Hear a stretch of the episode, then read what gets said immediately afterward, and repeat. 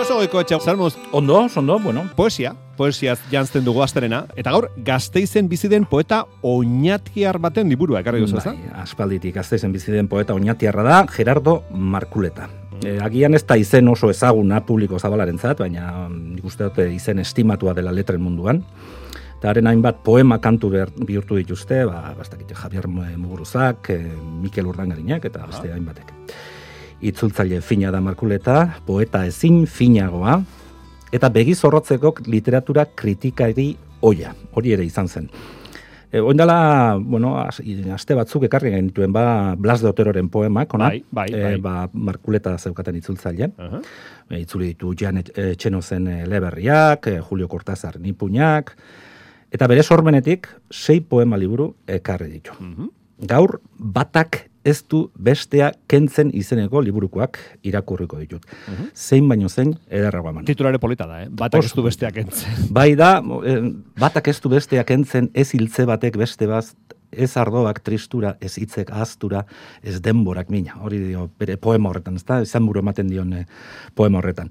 Bueno, ni benetan itxutu egin naute poema hauek, Ah. neure burua behin baino gehiagotan eh, aurkitu duda- dudalako markuletaren eh, bertso lerroetan. Eta ondo badiritzozu, ba, hasiko gara irakurketarekin, Konforme? Eh, bueno, igarriko zenioten zuek ere, ba, Bai. albistekin, eta zera eguraldi ezin zakarragoa dugu. Aizea, hotza, euria, ez? Eta gaur Bai. makina bat problema Euskal Herriko inbat tokitan, eh? Uoldeak toki askotan. Da.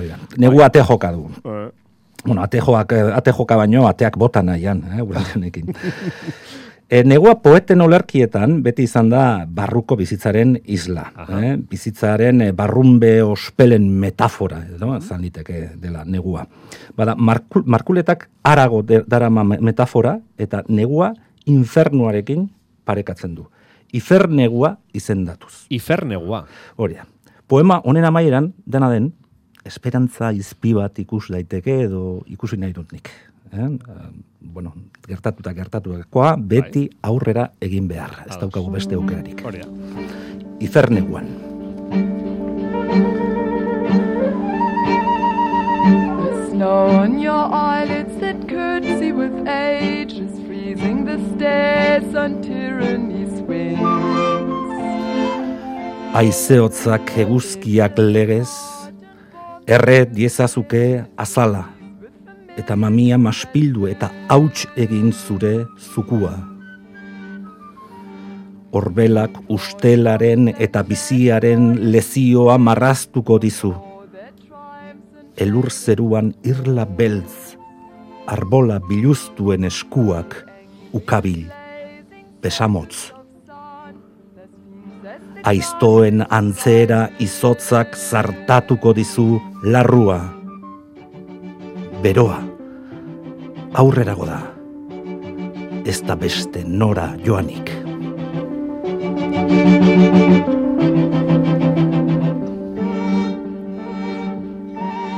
Irudiak eh, oso polita dira, eh? Eta gogorra baino politak aiztoen antzera izotzak zartatuko dizu larrua. Eta Espainiak ere bai, eh? Espainiak. Espainiak ere bai. Zuaragarria da, oso, oso, oso zorrotza poema, oso mm, aizto bat bezain zorrotza. Ba, baina, esan duzu bezala, hori, nahiz da negua gogorra izan, gero etorriko da. Uda, etorriko da, itxaropen txiki hori. Ez? Hori da, eta mm, pixa bigunduko dugu giroa, manu ez dakizuke lorerik duzun etxean, Bai, bai, ez ditut nik zaintzen, eh? baina bai, bada zerbait etxean, bai. Berdin nire kasuan. Bueno, Gerardo Markuletak badauzka, edo bazeuzkan, behintzat, batak ez du besteak entzen idatzi zuenean, Bai. badauzka, balkoian. Eh? Baina zaintza eskatzen dute landareek, egunen behineko zaintza bederen. Eh, hemen kopla sorta polit bat idatzi zuen eh, honi buruzkoa, eh, Gerardo Markuletak, nik batzuk irakurriko ditut ez guztiak. Hau da, behin bederen. Behin bederen.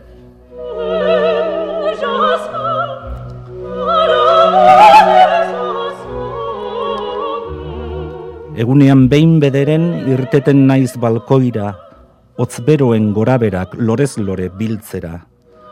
Geranio frantxez hauen lore kusku zimelak erauzi beharra dago berriz lora daitezen. Ur sobera edo eki latzegi hiltzear zen azalean, bizpairu tanta berde ageri. Ibiskus almeriarrak banan-banan dizkigu loreak ematen doi-doi lau egunetarako.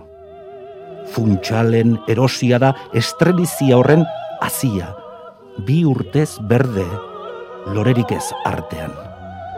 Mariak aukeran txiki heldu dira, urrengo urtean, nahas lurrari, errekako ondarra. Basoko marrubitxoa, nekez konformatzen da lorontzian, erosiak urtean, alde bakarra. Lorategi zailagoak badiran nahierara, baina ni egunean behin, behintzat, noan balkoira. Lorategi loretsuak izango dira eurrez, ez hain baso emankorrik, hain soro trinkorik, ez.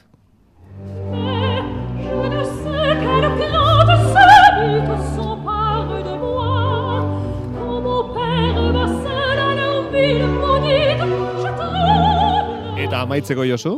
Eta maitzeko klasiko bat, zer da garrantzitsuagoa manu bidea ala helmuga. Uf, erantzuna jakingo banu. bueno, ziklista batek esango dizu helmuga dela. bai. Idazlearentzat beti, beti, beti bidea agian. Bueno, baina noizean behin literatura sariren bat ere, bai. Markuletak adibidez mereziko luke alako sari bat. Hau da, hirugarren eta azken poema. Heldu artean.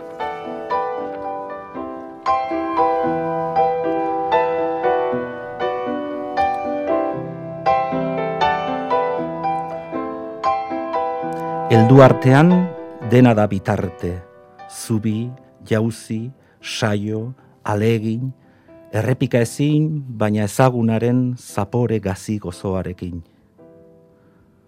Heldu artean dena da bitarte, utxune, jausleku, malkar, dena harriaren eta arearen aldarte, aldakor, bizia.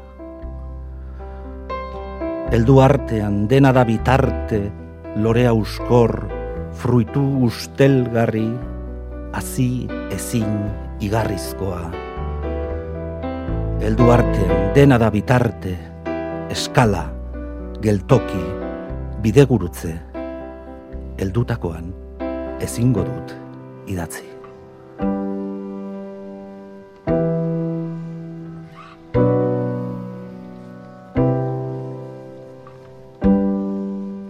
Bueno, beraz, e, ezagutzen ez duenarentzat, deskubritu beharreko izen propioa, Gerardo Markuleta, eh, Josu? Benetan, eh, poesia maite dunarentzat, eh, sei liburu dauzka, poesia Bai. liburu, edo zein hartuta gustora geratuko dala uste dut. Josu, astuena pasa.